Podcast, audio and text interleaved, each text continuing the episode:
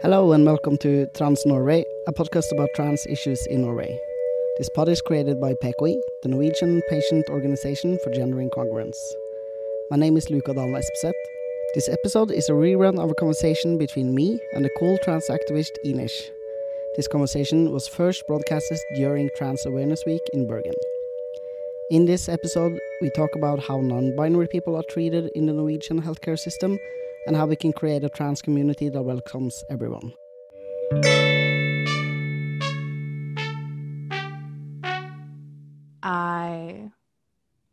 I think I would start just asking you, Luca, who you are and yeah, just who you are, really. yeah, that's a big, big question. Uh, well, yeah, my name is Luca Espeseth. I use he, him pronouns. I'm an old or beginning to be an old trans activist in Norway. Um, and I've been working in this field since, I don't know, 2008, 2009. I'm currently employed by FRI, the Norwegian Association for Sexual and Gender Diversity. And I'm also, I work at the moment as a volunteer, but I'm, I'm part of the uh, which is the Norwegian patient organization for people with gender incongruence. Yeah, which is we're not i just have to say we're not really into the whole medical discourse when it comes to being trans but it's more of an organization made for uh, to give us access into spaces where transgender healthcare is being discussed and we kind of need to be a patient organization to do that yeah just a long time activist i guess who you uh, i'm inish but my last name is Heden Nas. and um, yeah, I'm also trans. I live in Norway. And uh, yeah, I've been working within, like, as an activist since I was about 18 years old. And then now, recently, I started with a group of other queers and trans people in Bergen. I started something called Saga, which is a community building pro- project. And then I was asked to be a part of the Transgender Awareness Week as well, uh, only one and a half month ago. And and i was like yeah can i can i can we make a festival in one and a half month and a lot of people said to me earlier that no you can't. Like that's that's not enough time to make a festival. And i was like you know what? Yes. Let's make a festival in one and a half month. It's going to be great. Let's just do it. This is important. So this is how i ended up co-leading the festival together with isaac as well. That's cool. Um, yeah. It's really cool and really important. I just feel more and more that this is so great that we're doing it and that we're starting this and just see where it goes really. That's and uh, yeah i know. And also when i heard about you i even heard words like trans daddy like trans papa. Uh, and i yeah. thought it was just the cutest thing ever. So i was like okay you know what? Let's let's put trans daddy on the podcast or radio show or whatever i'm doing. Like that's that's how we solve this. Corona or not like trans daddy is coming. We're making a radio show and now we are here making a podcast. So that's how we are here in this virtual space I think that's I'm I'm very flattered that people call me trans daddy, but it's also I'm 33. I don't feel that old, um, but sometimes I do. And in trans years, I'm probably like a thousand year old. When I started, like when I started doing activism in Norway, there was I was the youngest trans person ever to do. At least that's how I felt. We were like a group of the older generation of people in their like 50s and 60s and then there was me and then of course I, I like throughout the years there's our community has grown tremendously and i'm so happy to see that. And it's so cool that we have all these new cool trans activists all over. But yeah i'm definitely i'm getting old. And also yeah i'm doing i'm, I'm starting to feel a little bit like i felt about the older generation being like you're not keeping up to to, to the speed you know you're not getting the new words you're you're kind of falling behind. And mm. i tend to do that or at least now i have to like actively work to be part of my own community. And that is it's just like an interesting transition into being older. That is definitely sounds like a trans daddy to me. Yeah that's true. I'm not going to go all um, duck angel on you. I'm going to stay cool. I'm going to try at least. Not be a conservative medicalist uh, douchebag yeah Thanks. so I'm wondering, just general question for our listeners: How is it to grow up as trans in Norway, and just being trans in Norway? Like, how how is that? How does it feel? What's the journey like? How is it?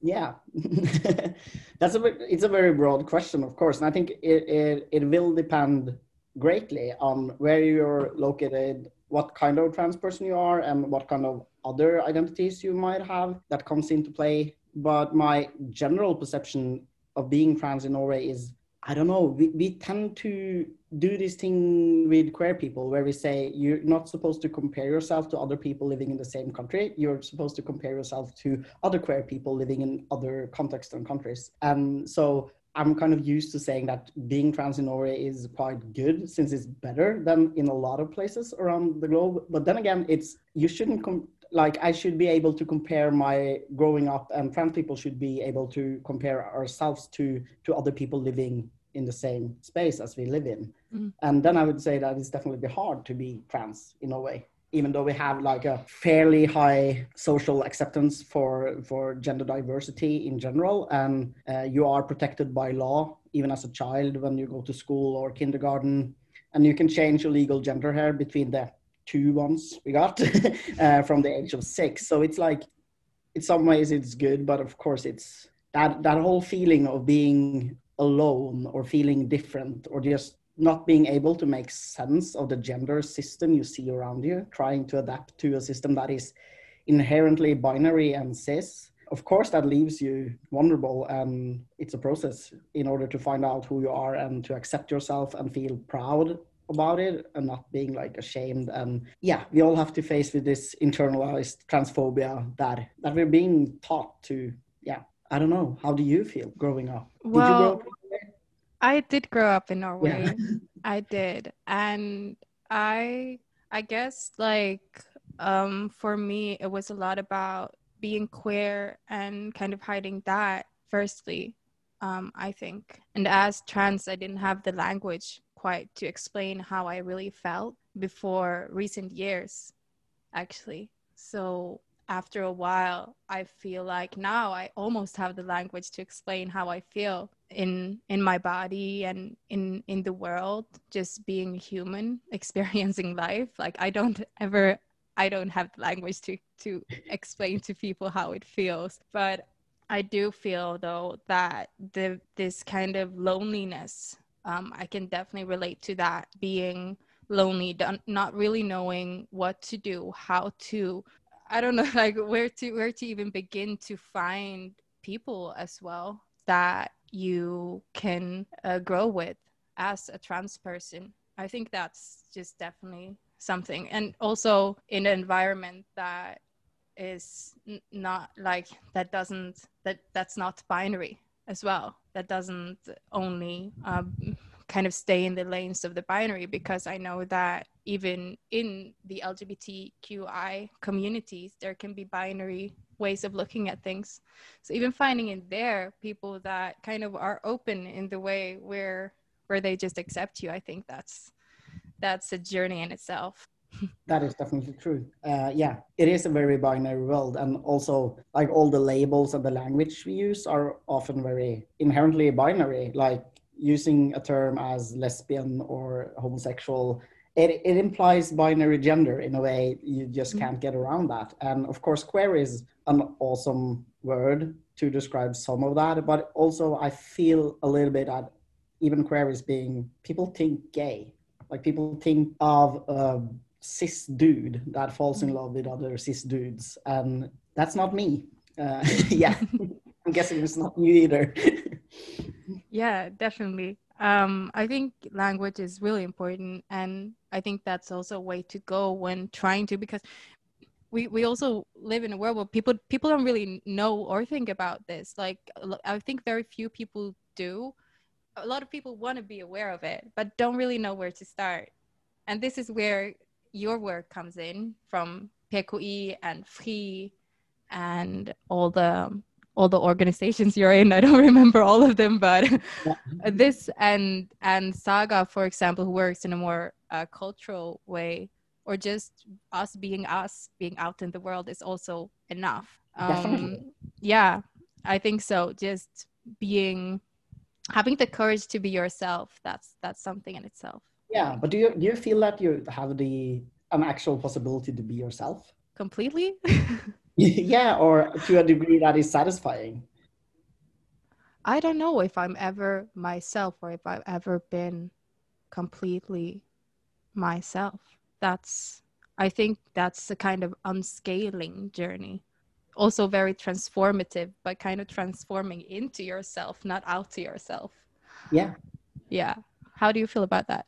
I feel i feel that i've kind of i've done a lot of activism cons- that's been focused around my very binary male identity which i've kind of actively used. And i've been aware that i was kind of buying into the whole normative binary way of viewing gender. But I think I did that in a way to make space for other people too. Like when I said, when I was, I was, I did a lot of activism around the uh, law that allowed us to change legal gender, and I kind of used myself like, look at me, I'm obviously a man, so you have to allow me uh, to change my legal gender. And of course, you made that law into a way where you definitely don't have to quote look like man in order to change your legal gender, uh, but it still feels like I've kind of trapped myself a bit in a mm-hmm. very binary masculine way of presenting and being.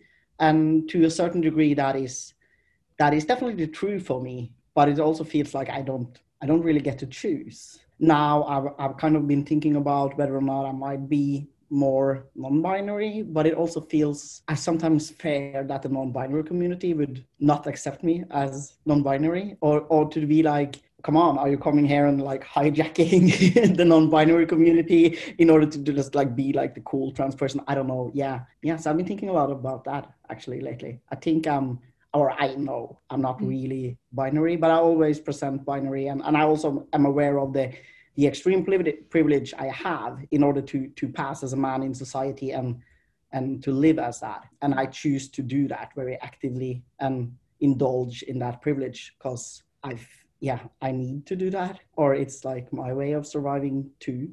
But it's it's um that is a tricky thing. That's just ah, I love that because yeah. uh, wow, in so many ways. Because I don't know, I I've felt the same, only that in in different way, but also the whole binary thing and gender at least for in my mind is just a huge infinite spectrum of of infinite in in, in a way you know and when people are like yeah but you're not exactly a, a man or uh uh but you you look like what all, all of that man woman female male binary all of that just really stresses me out.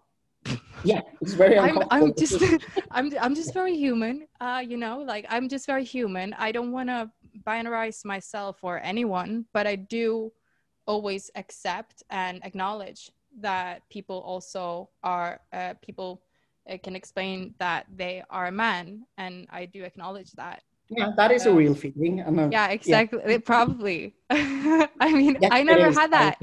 That's the thing like i never had that feeling but it must be a real feeling and i do acknowledge that and accept that. Also putting yourself in the position of being binary and non-binary for that sake you know? Like if i suddenly feel like yeah but you know what? I want to use him now i would feel like but do i kind of like kind of fail as a non-binary if i suddenly use a different pronoun than they like or for example do i do i fail or do i somehow go against the identity that I have created for myself in this world where people are suddenly realizing or understanding things like non-binary. I think it's really interesting and um, how you explain it as well. And for me, I I feel more and more that people accept you as a non-binary, but also maybe just I work on being able to say that I don't really care that much about gender in a way. And, Yeah. and I, I can hear that. I'm just like, ah, yeah, I, I'm, I'm, t- I'm saying this out loud. Like, I don't really care that much. I do care about your story. I do care about your journey as a human. But I don't necessarily care about your gender as it is now. You know No. what I mean? Yeah, I get it. But in the same way, I'm very, I don't care about people's gender and I tend to, or I try to not, not think about people as being gendered in a way, but in the same, but in the same way, I, I'm also very like respectful of people's gender. And I do also have this feeling of like gender euphoria sometimes, euphoria, gender euphoria. How do you say that? Euphoria, euphoria, whatever. I have this sometimes when when I when I have this very strong feeling uh, of being a man, and that is being reflected back to me by society or people I care about. It's a very extremely nice feeling where I sometimes really love it. Like I love to be a man sometimes. But yeah, but I also see how so gender is both like a very cool place to be and it can be like important and give give joy like the actual like a gender a fixed gender identity at a certain point can Mhm. give a lot of joy but it's also the whole gender system is very it is limiting and you have to navigate it all the time and it's all around you all the time and people are gonna pursue you as some kind of gender or they're gonna try to place you and they're probably gonna try to place you in the binary shit system Mm. and we always have to like even if you don't care you still have to care you're being forced to care in a way or at least i feel it's not like the space for not doing gender at all isn't really there. But we can of course try to curate it. And and it's definitely as you're saying uh, the concept of being non-binary is people actually kind of get it now. They didn't before. Like that space didn't even exist. It, it was like that was a thought experiment more than an actual way of being able to live and be. So that is cool that that is changing. Mm. and i've also yeah i don't know. Yeah. I mean, being accepted, accept, ex, especially from strangers for who you are in general, is the best feeling ever. Yeah. I almost just cry just thinking about it because it's a it's a feeling that unfortunately, like very few people even do get to have probably, especially as transgender or queer for that sake in Norway, especially outside of the big cities. I know that it can be really hard uh, growing up as a trans Yeah. person. definitely and it's Mm. even if people like there's there's a lot of the, the queer kids now that come out early and, and trans kids too that are really like being accepted and being treated as the gender they are and but they still have to live in a world that is inherently cis surrounded by cis people all the time and their perception of gender like they can never understand you and they made this system that is that is the system that made you kind of be trans in the first place. And being trans is not a bad thing but it like it happens because somebody made this system and it's mm. going to discriminate against you for the rest of your life. Yeah, and is it so that if you, for I don't know that much about treatment, hormone treatment, for example, or that process. I know very little about it, and I'm wondering if if you uh, get that, do you have to define as a binary trans person? If you if you want to go through with a medical treatment, do you have to like say that I do not feel like this, I do feel like that, like I do feel like a man, so I need these hormones, or like, do you know you know what I mean? Yeah yeah. We, uh, like we have one state gender clinic in norway that is located at the uh, state hospital in oslo Riksen, we call it.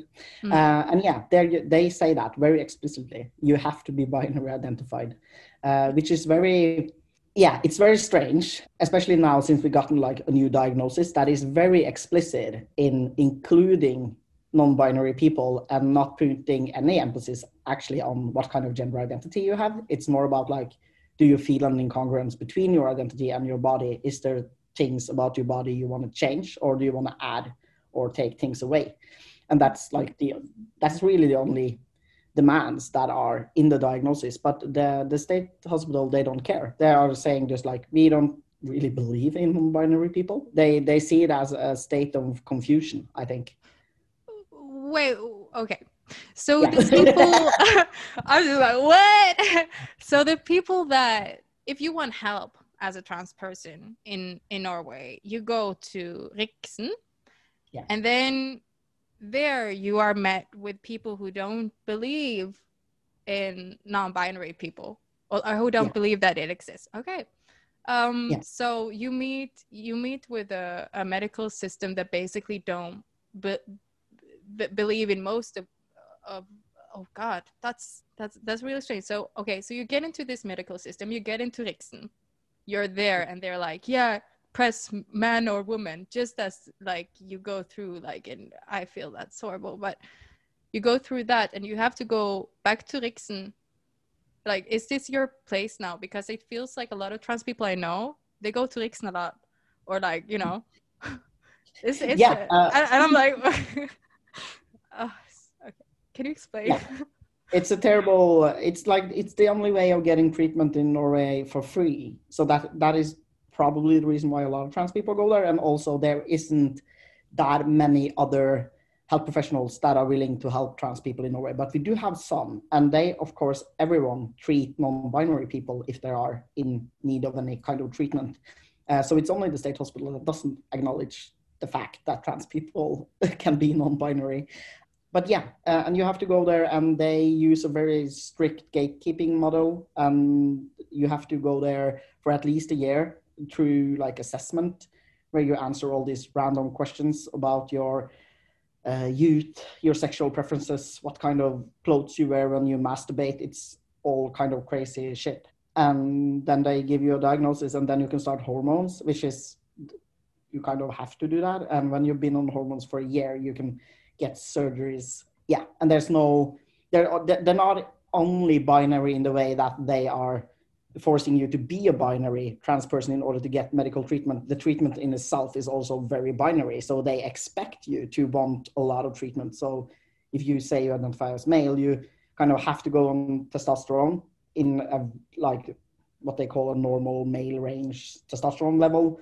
You have to do top surgery. They are highly they're saying like you need to to remove your ovaries yeah whatever you have to you you kind of have to remove your reproductive organs and Yeah. and they are for for men they're they're like okay you don't have to construct a penis because we know that we're kind of uh, they're not really i'm not saying they're bad because i don't want to talk shit about people's genitals really. But but they they know that they have limited options when it comes to surgery and that some of the surgery they do might not live up to the kind of expectations or needs that people have. But for trans women they're very like you need to have a vagina. There's no way you could be a woman and have a penis or testicles um, at the same time. Uh, so yeah it's a it's a uh, it's a totally fucked up system and and it's all about like making sure that we are binary and real. And their whole concept is that a lot of trans people aren't really trans or it is terrible. And we're trying to change that. But it's Mm. it's going so slowly because people don't get it. They're like yeah. And they're really influenced by the whole it's a very we're seeing quite a harsh backlash actually towards the, the trans community. When I started working, it was like people were like, "Oh, we don't get trans, but please explain." And people are like all on board, being like positive. Oh yeah, of course, that's that's cool. You should get access to treatment. You should be able to choose whatever life you want to live yourself. Like, who am I to decide what kind of body or life or you should have? Uh, but in the later years, there's been a lot of trans negative and transphobic discussions in the, in the public media in Norway, uh, and we see that throughout the world. It's a very like the whole anti-gender movement. It's spreading. So, and that does affect the healthcare system. They're being more conservative. They're being very concerned about the young people, which is it's so strange to me because it's like for every grown trans person in the world, we all know that we, of course, were children once. It's like it's ridiculous to think that kids can't be trans. It's like I've been, I didn't identify as trans as a child, but I was definitely trans because I am. And that is, it didn't suddenly appear when I was a grown up. Okay. So for those of you who are listening, this might sound really, really messed up. Like, and this is actually the situation we have in Norway. Just saying that this is the situation we have in Norway, which is a country that we come quite far in some ways. and then the rest of the world, which is like completely oh god, it's it can be so hard um, for trans people all over, as you can hear. So yeah, definitely. But it's Yeah. very it's actually very strange that Norway that considers itself to be like an LGBTQIA friendly country just isn't. And it's Hmm. it's like we do these crazy things. Like you can you can get granted asylum in Norway on the grounds of being trans.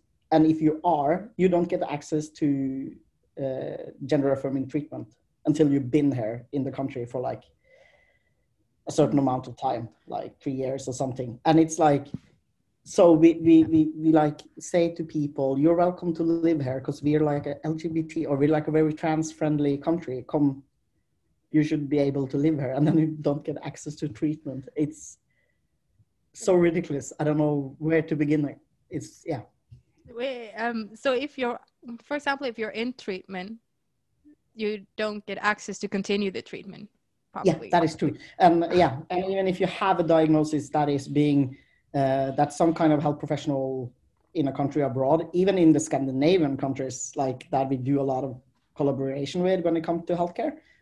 If you have a diagnosis from a from a Scandinavian country, the Rikshospitalet in Oslo will not uh, accept that diagnosis, so they will do their own assessment. So you have to go through another additional year trying to prove that you are the gender you are, and it's like I've talked to people that's been on hormone treatment for like five years and they have to go to Rikshospitalet and say like, yes, I do feel like a man or yes, I do feel like a woman. And it is ridiculous. It's like, it's What? totally, totally crazy. Yeah. ah it's just that's that's just so strange that people like human beings are met like this at all Yeah. because it doesn't seem never- like you're you're actually just met with a lot of disbelief just people being in general critical to what you're like um this it sounds really hard and i don't know like how mentally this sounds very stressful Yeah. and i'm wondering so do people because this uh, hospital Riksen is in Yeah. Oslo so a lot of people have to travel to Oslo to to get help or like to to try to to try to get help. And then i'm wondering back home where people are at, outside of Oslo do people get help from for example therapists or like mental health support? Or what kind of help can you get? And does doctors normally know about trans? Like how are you met in the general gp like Yeah. That, that kind of depends. It's like there there are healthcare professionals around that know a lot about trans and and also that are aware that Rikshospitalet isn't a good place for trans people to be. It's it's like I've never talked to a trans person that's been to Rikshospitalet who have said that that going through that assessment has a positive effect on their mental health. It's it's a stressful, painful situation where you're trying to prove who you are, which is ridiculous, and and you're terrified and afraid you're not going to get access to treatment, and it's not a space where you can talk about things you struggle with, your insecurity if you have some, or people are even afraid to ask basic questions because they're so afraid they're not going to get access to treatment. And sometimes healthcare professionals around in Norway do get that and are a good support for trans people, but a lot of people don't get any support at all. And if you don't also have access to a trans community where people can tell you that you are in fact not crazy, uh, you are valid, and the things they are saying to you and asking you about is transphobic. Yes, this is transphobia. That's it. That's ba- basically what it is. And I think a lot of trans people are kind of accepting the ideas that Rikshospitalet is putting into our heads. So a lot of people end up internalizing even more transphobia by going to Rikshospitalet. Um, and I see this a lot in the trans community where people are policing other trans people, saying like, you can't be a man and have ovaries. And I'm like, yeah, okay. That is obviously something Rikshospitalet said and not you. Mm. Uh, and your the trans community is also talking about trans people not being real and kind of just buying into the whole very transphobic story that Rikshospitalet is telling about us. And that is really sad and it makes me that makes me sad. yeah that that is sad it Yeah, sounds to like. Mm, yeah. Yeah. No, it definitely sounds like a very special spiral of of um, negativity where people kind of kind of yeah come into also being in in a sense transphobic um, can you explain what internalized transphobia means? Just yeah. It's when like the the trans negative attitudes and system and ways of thinking that you are surrounded by becomes part of yourself. So you yourself have ne- negative attitudes towards yourself as a trans person or towards other trans people. Uh, and you're kind of reproducing the whole transphobic system you're a part of. Um, and it's really i think a lot of people have to like everyone has to work on their internalized all kinds of different phobias. Being part of a minority doesn't make you out automatically not yeah you're you're part of the same system and it's systematic and you've been taught that it's uh, bad to be queer and yeah so we kind of have to do um active work to pick that out of your brain and be like yeah and you and it kind of it materializes in in a lot of different ways. It could be like a very distinct negative attitude towards trans people. It could be, I don't want to hang out with trans people. I'm afraid to walk down the street with another trans person because people might, uh, if you're like, if you are as me, like a passing trans person, a trans person could be like, I don't want to hang out with non-passing trans people because people might think that I'm also trans and I don't want to be clocked uh, by others and it could also be things I've done myself, like I've met with trans people uh, explaining how they have a hard time in life, uh, and I'm like arresting myself, thinking it would be easier for you if you changed some of your gender appearance, like if you dressed in a different way. If did, and I'm like, oh my god, did I just think that?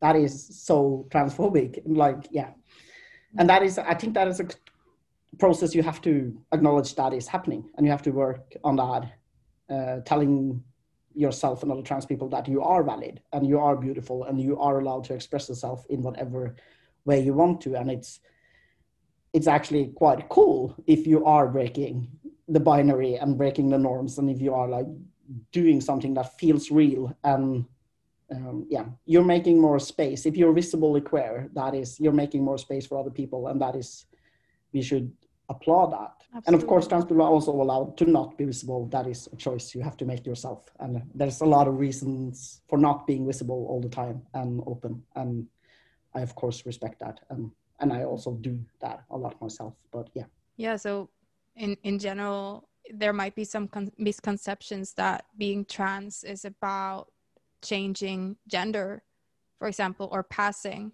or striving towards passing. That that's what the word even implies but yeah. as i understand it it's it's uh, more like an umbrella term really. Um, being trans? yeah like the the the the word in itself transgender yeah. is is a is an umbrella term. So it it's it does include for example non-binary people. It doesn't matter if you're passing or not. It doesn't matter. It it's not how you look like or even where on your journey you're at. No uh, definitely do you, you, don't have to be you don't have to be open to be a trans person. You don't have to dress in a certain way. You don't have to change anything about the way you your appearance either your body or the way you present or anything. But of course we we are being policed by the cis community in the cis mm. world and also by each other. And i think that's that's very sad. But yeah i'm mm. if you're trans you're trans. There's like you don't have to do that in a special way definitely. So so i think everyone always have a lot to learn about being just more compassionate to each other and not yeah not policing each other but meeting people with compassion and love and kindness. And also inside of the queer and trans community that are not necessarily non-racist just because we're queer and trans or not this and that or not ableist or whatever because i think that these kind of things are ingrained in us and we definitely all have to do work and if we like we we always have work to do always yeah. have work to do even with ourselves always with ourselves probably and Yeah. also in the communities that we are in and also i've been thinking a lot about lately how much it how much we move forward by connecting communities as well so it le- leads me a bit to um, something that i wanted to ask you which was what you think communities can do or how we can kind of evolve communities so that people feel less lonely as a trans person in Norway, wherever we are. Like, how can we do this, especially in COVID times? And I'm thinking so much about this.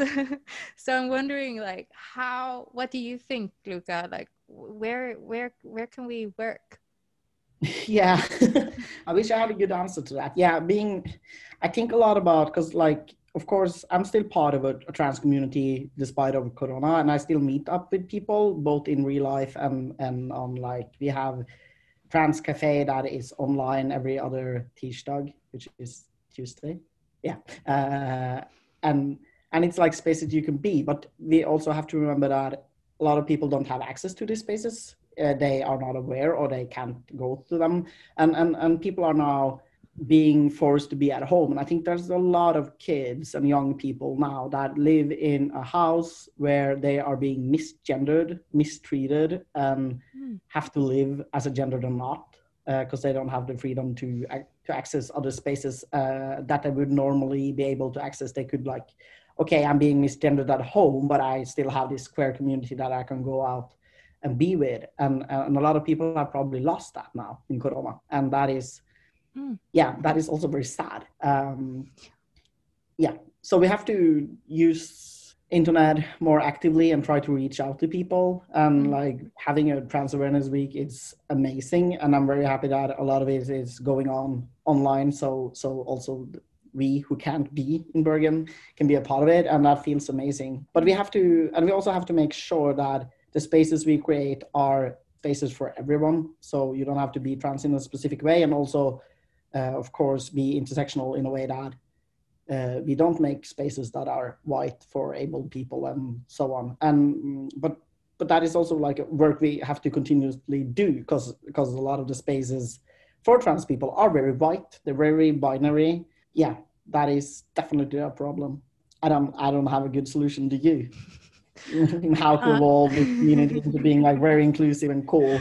And not even inclusive because it's like i don't really like the word because it's it kind of implies that someone has the power to include someone else and that someone else is the other Mm. in a way but yeah make spaces for and by Yeah, that's that's really true. Um, that even the word inclusivity isn't really that inclusive. it isn't Wow. Uh, it's another level of wording but um yeah i i, I do feel that um we have internal community work and we have kind of external community work or connecting community work to do. Um, so internally it would be to create more spaces where people can feel safer and are aware of things where people are aware that um, that a trans person uh, might face challenges and be a bit aware about what kind of that challenges that is. And also in the sense of mental health and uh, minority work uh, minority people all kinds of uh, different things that we should be aware as when we of when we make these spaces. So this could be like the community work and also try to find together find um, connecting points and things that can connect us and do stuff together as Yeah. well as a community because just having a space i love being at um, cafe treff and i really love being in these spaces that are designated for just mingling but mingling isn't for everyone um, Mm. and i think just doing stuff is is also a way so this is um, a bit of the thoughts behind creating workshops or just creating stuff together i would love to for example just create a it could be we could create a musical. We could create a film together. It could be anything but it would be really cool to have more of these projects where we create something together and use our skills and knowledge as trans people within the community to create things together so that uh, we can connect to people outside of the community. And this would be in form of media probably because media is something that we can share online. Yeah. so uh, hopefully we should do something like that uh, create create create create. And um, for externally i love working with communities that aren't made just for queer and trans people but just in general communities so it could be any community really. For example a radio station or a um, it could be a concert platform or whatever but just yeah. working with communities that aren't necessarily um, made just to cater the lgbtqti community but just to spread knowledge and spread empathy you know learning how to understand also how other people think and how other minority groups think or how people are ha- like living life like what's up you know? Just yeah. learning about each other and connecting the communities. I think that's that's um, very central in what i think that we should be doing. And also individually reaching out and connecting to other trans people is always good but i know it can be scary and this is why i love projects that just does stuff like make stuff happen. Um i really yeah I think that's very that is very good because i've also talked to some people that feel that yeah mingling spaces are hard to be in. Like there's a there's a certain set of social skills that you like there's there's a lot of social clues you need to understand and that can be hard for people for for number of reasons and also i think that sometimes uh, communities if you don't have the knowledge if you don't have like a high level of knowledge about transphobia or racism or ableism and things like that it's sometimes hard to try to be part of a community where the discussions are very like academic and people already have all this knowledge and i think that mm-hmm. meeting spaces where you yeah you kind of do things together and you share this common goal and you learn a lot along the way in a in a in a way that it's it's easier or more accessible knowledge uh, mm. that you will gain over time. Yeah. Yeah. What do you think about because i know that um lately i've been kind of talking to a lot of people about not necessarily TERFism but more like just um, people experiencing for example just mild discriminations or whatever or actually experiencing having discriminated and then like being so scared that they will never enter the community again yeah you know um, and this is something I haven't really talked to anyone about in this sense. And I think this could be a good opportunity. And so people can actually, after making a mistake, become so scared that they they don't want to enter re-enter the community. It could be even, uh, for example, if a queer person were to say the wrong pronoun to someone just yeah. being so so scared after that that they they don't really know what to do so what would you kind of if you had any advice to give or thoughts around it like what, for example what you do if you say the wrong pronoun because that can yeah. happen or um, what what you should do and how communities can react or how we can react if it happens yeah. because yeah what do you think yeah, I've, I've actually been thinking a lot about that lately because I just made a, um, um, I just, I, not so long ago, I made a person feel really bad doing a very phobic thing. Um, and I've been like thinking, how, how do I, just interesting, like what, what kind of feelings am I going through being the, the person who's discriminated against somebody else? What is the work I need to do? Uh, and how can I fix that wound that I made? And and I think that we, I'm definitely of that. opinion that that work should be done by you. It's it's your responsibility. If you fucked up, you have to do the learning and you have to do the work, and it's not about your feelings and whatever. But I still feel that there should be some kind of space where people can actually process the kind of bad feelings and emotions you can have when you have hurt someone and you actually feel bad about it. Uh, and there's like you should be able to make that kind of spaces without the situation being about my feelings of hurt for having hurt somebody else which is like it's definitely their experience to to have and their they should definitely be the focus on whatever kind of recreational work you do but there's still like a personal process that you have to go through that can be hard and it and it also differs from person to person how that will affect you. Um, if you have a long history of being socially rejected or not feeling good enough feeling stupid being told that you are stupid like from from childhood that that might be quite traumatizing to you actually if you if you have hurt somebody else um, hmm. but then we need uh, good like basic tools to to deal with it and if like if you said the wrong pronoun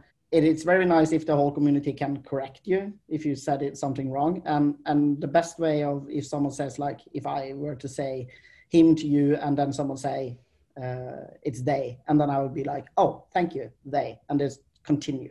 Um, and i think the, the whole thing of saying thank you when people are addressing you or uh, like kind of arresting you um, I think that is good. It makes you feel good yourself, and it's also a very it makes the like the terskel uh, threshold.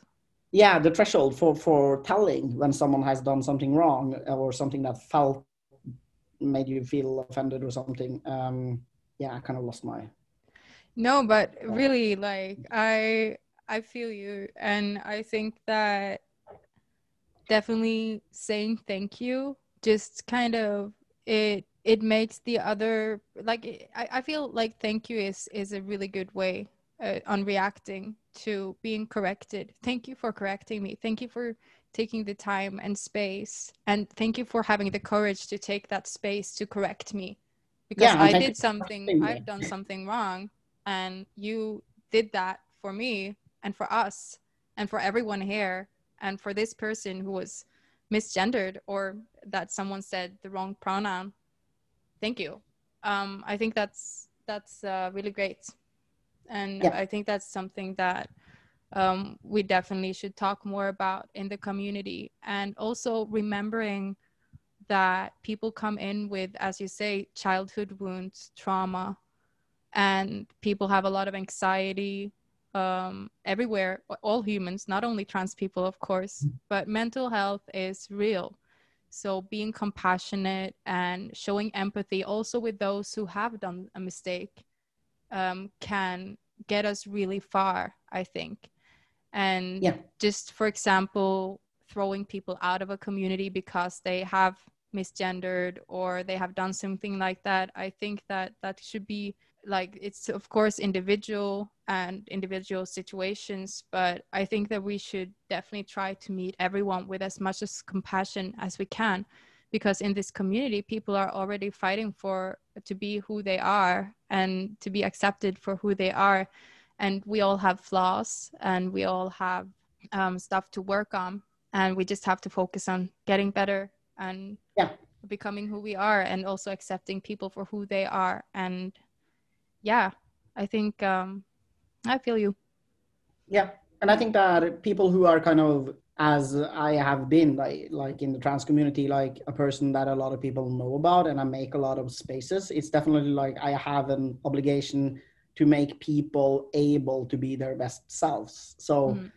There's like someone has to take responsibility to make a space that isn't racist or ableist, uh, and um, mm. some people have more power to do that and if you have the power to do it you have an obligation to to to do that and to make it into a better space and give people the knowledge and the tools they need in order to to work together to make it into a cool space for everyone who wants to be in that space yeah mm.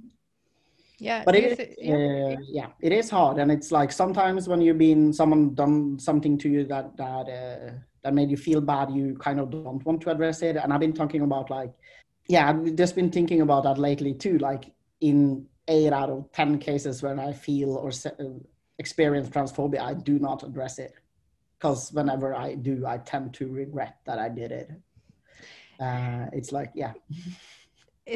Yeah, just um, sharing that energy or like addressing things, it takes a lot of energy as well. For example, correcting people's pronouns or correcting names. But I, am very much about correcting names, though I think that that energy I should spend that. But I don't know. It's not like it shouldn't be an obligation either for a person to always correct people. Um, for example, I've heard, and this is personal, but I've heard of myself like, yeah, you didn't correct me last time.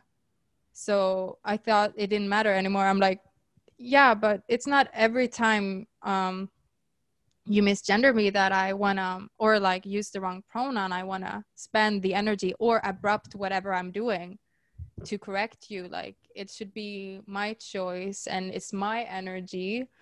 And it feels like if I was gonna correct everyone uh, like eh, all the time, then it would be all the time. It would be every conversation I had almost. Just I, I, also another personal thing like i'm my name is inish so it's like we there's a lot of talking about my name already. So the first thing is like why do you have your name second is why they no like i'm like the whole gender thing is the second yeah. thing so ev- all of my energy is spent on correcting people and making people feel like they have done something wrong when that's not my intention at all. I do not want people to feel bad or anything. It's just I I want people to know.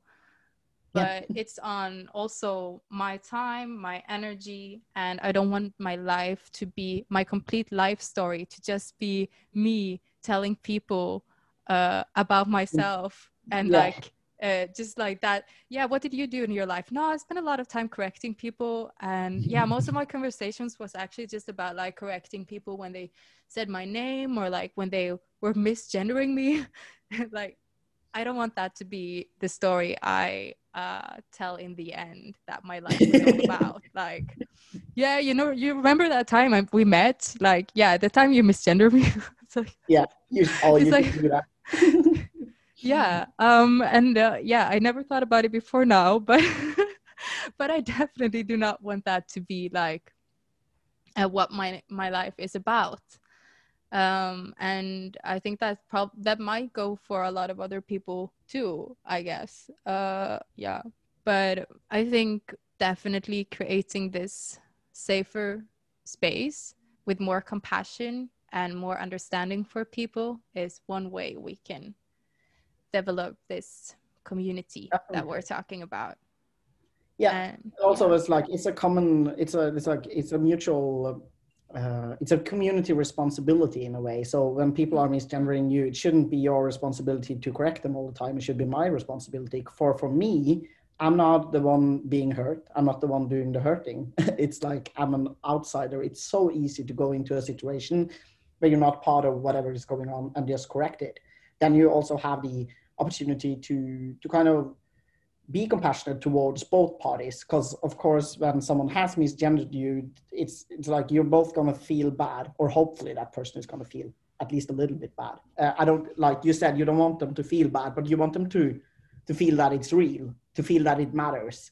And if they feel that it's real and that it matters it's probably going to make them feel something. But it's easy for other people to to navigate that because because it should definitely not be your task to make them feel good again or help them through their kind of feelings and emotions. But I could do that as an outsider and be like compassionate towards that. They didn't like if they have this need to say like I didn't mean to hurt you or I didn't mean to hurt them and uh, and I'm feeling bad now. And I could be like okay I understand that. But you should not have to deal with that person being like oh I feel bad because that only takes more energy out of you and and takes the focus away from your your feelings over to that person. Exactly. That's that's a really good way to say it. I think that one one that is hurt actually and one that has been misgendered or if something has happened then that's already a lot to process for a person. And it can be really traumatizing to experience things such as uh, people saying the wrong pronoun, people saying the wrong name people yeah just not meeting you as who you are that's it can be really hurtful and traumatizing so yeah. definitely it's not the responsibility of the person who is hurt but yeah we can all share on that responsibility rather as a community and as uh, people and also yeah. for people outside of the trans community can also be a part of helping other people remembering pronouns and yeah just helping people become more aware because you don't have to be trans to be aware of trans people. No.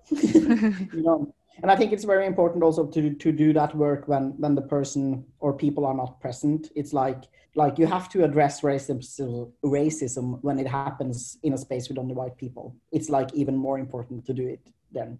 And and it's it, it's also like easier in some regard because no one is being hurt in that moment right there. And it's the same with trans people. If if i met someone who misgendered you it's so important that i do that like correct them and explain and be like you can't do that. And if that work is being done when you are not present it's going to be less hurtful for you. Yeah i love that. It's like i can see this um this web of love. Because because you're not you can't see it. Like if you're in it you can't see it but um you can definitely feel um the changes and you can feel the kindness and you can feel the love even though it's not happening right in front of you. Yeah. And that's uh, that's beautiful i think so if you like if you really appreciate listening to queer people or trans people talking about trans stuff, you should definitely check out PKI's podcast. And you find it on Spotify called Trans Norway. And some, I think all the episodes now are in Norwegian, but we're going to do some in English pretty soon. So it's like both English and Norwegian episodes out there. Check it out. Yeah, cool. I also listened newly to a podcast um, called Quarant- quarantine. Yeah. And so cool. So i also hope that people will check that out. Yeah it's by salam, salam. definitely check it out. It's yeah. uh, yeah it's good. Yeah.